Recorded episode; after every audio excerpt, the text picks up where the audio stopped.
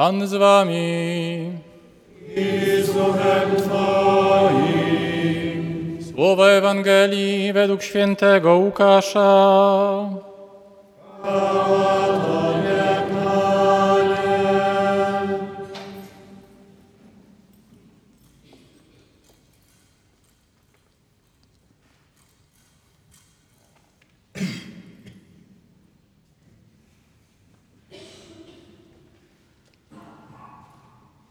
Zdarzyło się, że Jezus, zmierzając do Jeruzalem, przechodził przez pogranicze Samarii i Galilei.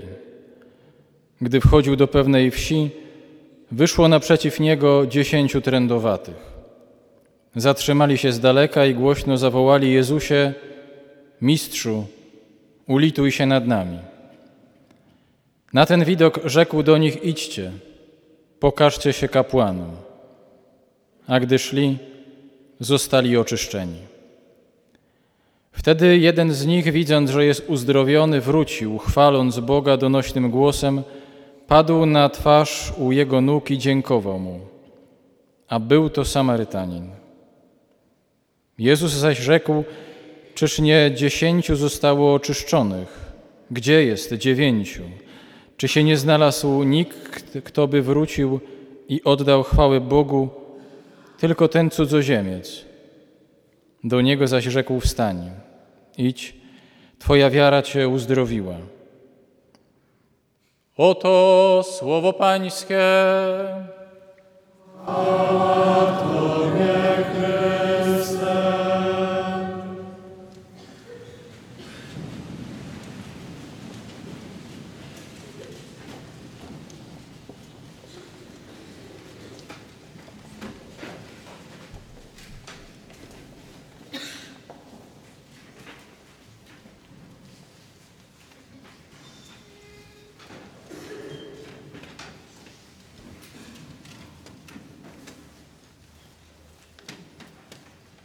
Bez zbędnych y, kaznodziejskich wstępów od razu powiem, dlaczego tak jest, że rozpoczynamy rekolekcję na dobry początek, na początek roku akademickiego i noszą one tytuł o solniczkach i o żarówkach, a nie na przykład dlaczego nie o musztardach i majonezach albo o jogurtach i twarogach.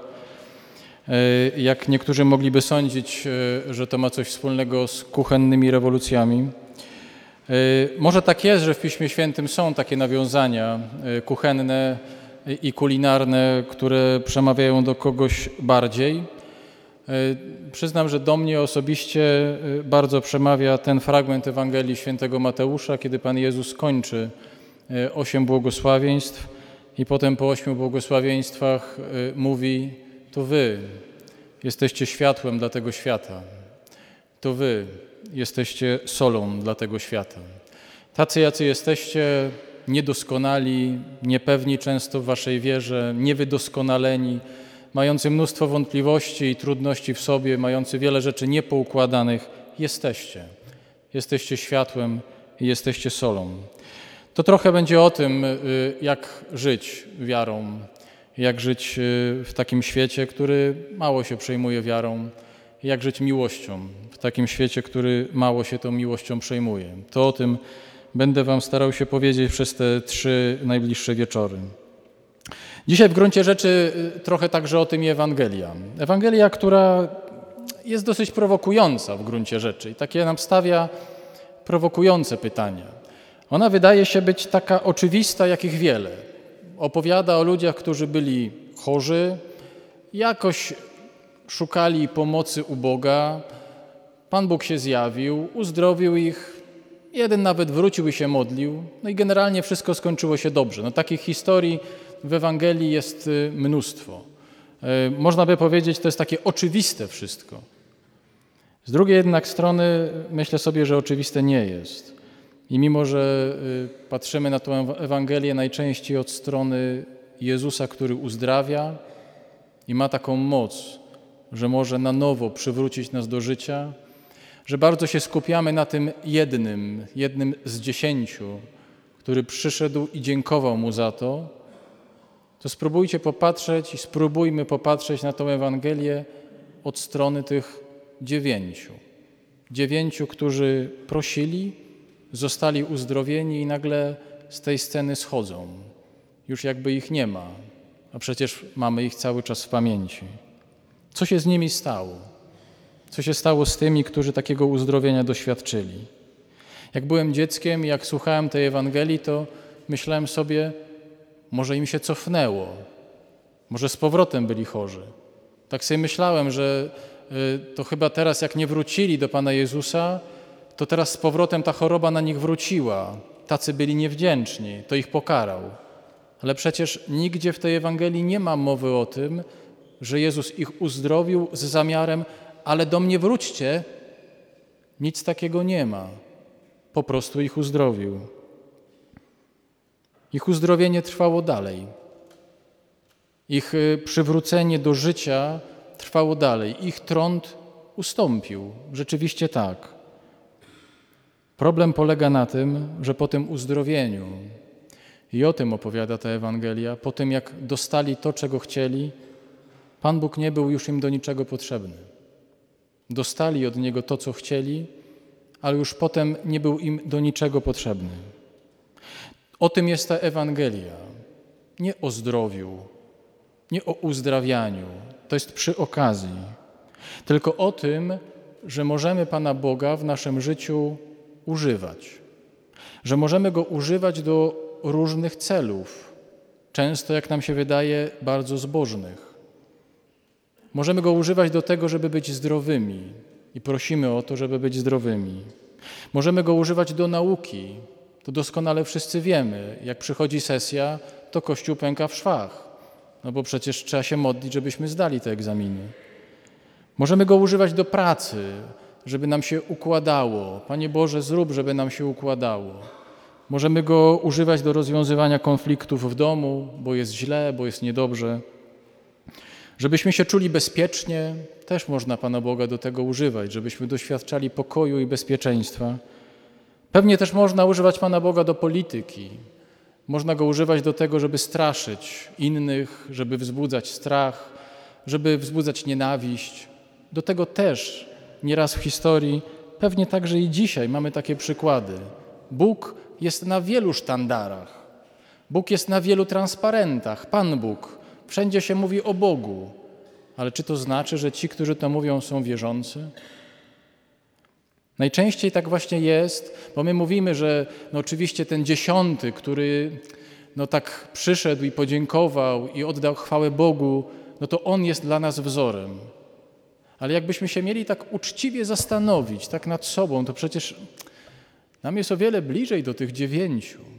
My wiele różnych interesów z Panem Bogiem byśmy chcieli zrobić. I potem, jak nam się to stanie, to najczęściej go zostawiamy to wrócimy do Ciebie, jak znowu będzie źle.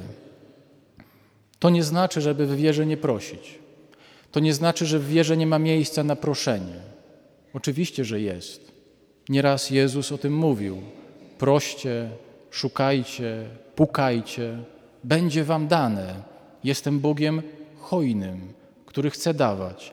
Ale jeżeli skupimy się tylko na tej, na tej prośbie, jeżeli zostaniemy tylko na tym poziomie proszenia i brania od Boga, to chcąc nie chcąc zafundujemy sobie taki obraz, że Pan Bóg nas kocha wtedy, jak daje, Pan Bóg jest wtedy, jak daje, jak spełnia nasze prośby, ale jak nie jest coś po naszej myśli, albo nie dostajemy tak, jak się modlimy, jak prosimy, no to nas nie kocha.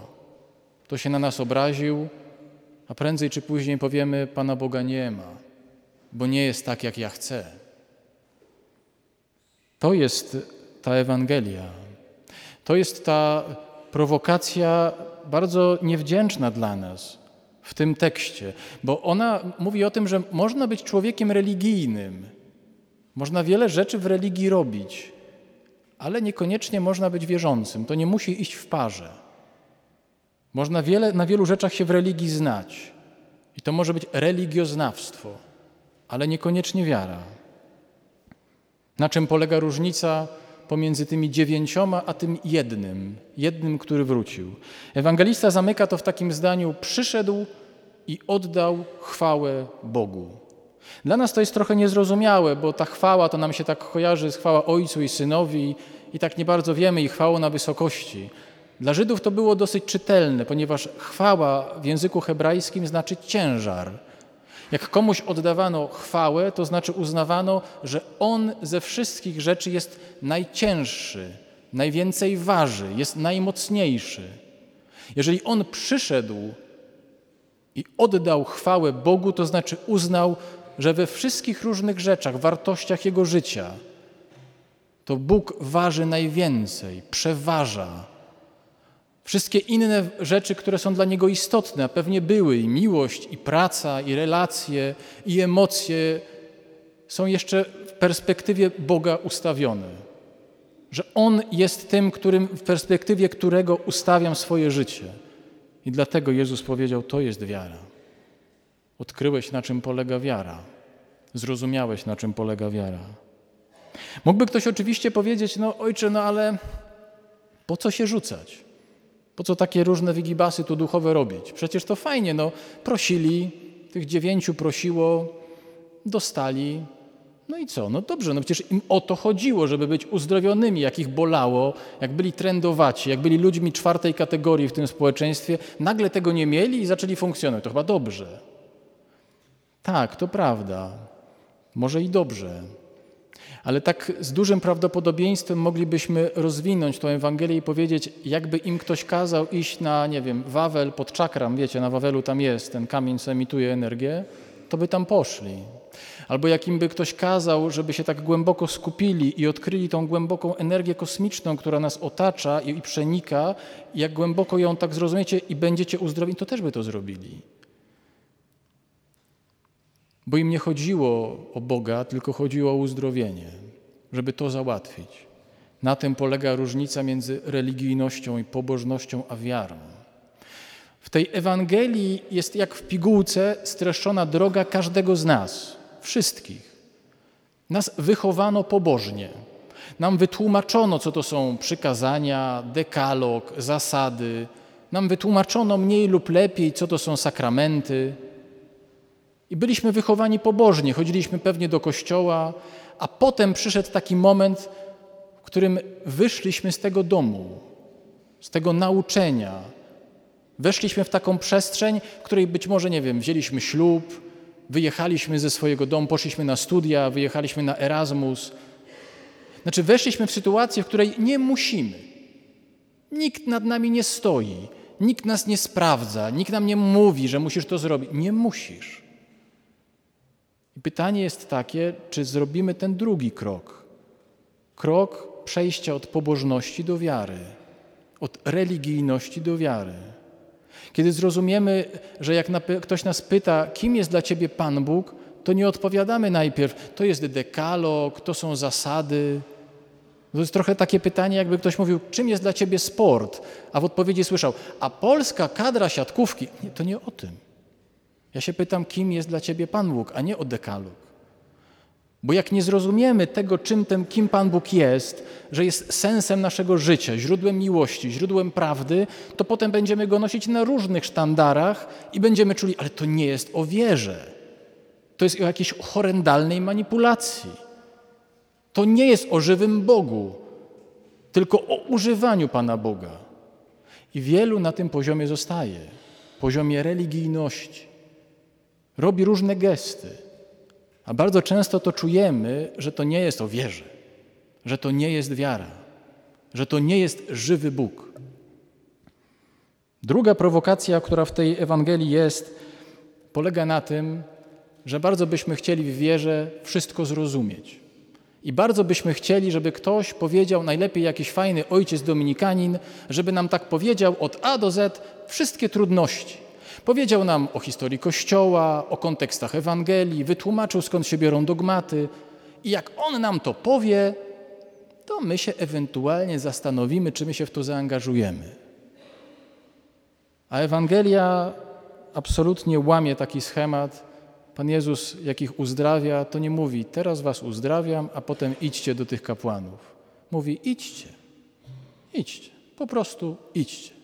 I dzieje im się to w drodze. Jak zaryzykowali i poszli. Innymi słowy, nigdy się nie da zrozumieć wszystkiego w wierze. Albo się w to zaangażujecie i spróbujecie trwać przy wspólnocie i sakramentach, albo będziecie na takiej zasadzie trochę jak człowiek, który chciałby się nauczyć jeździć samochodem, nigdy do samochodu nie wszedł, ale czyta wszystkie książki na temat samochodów.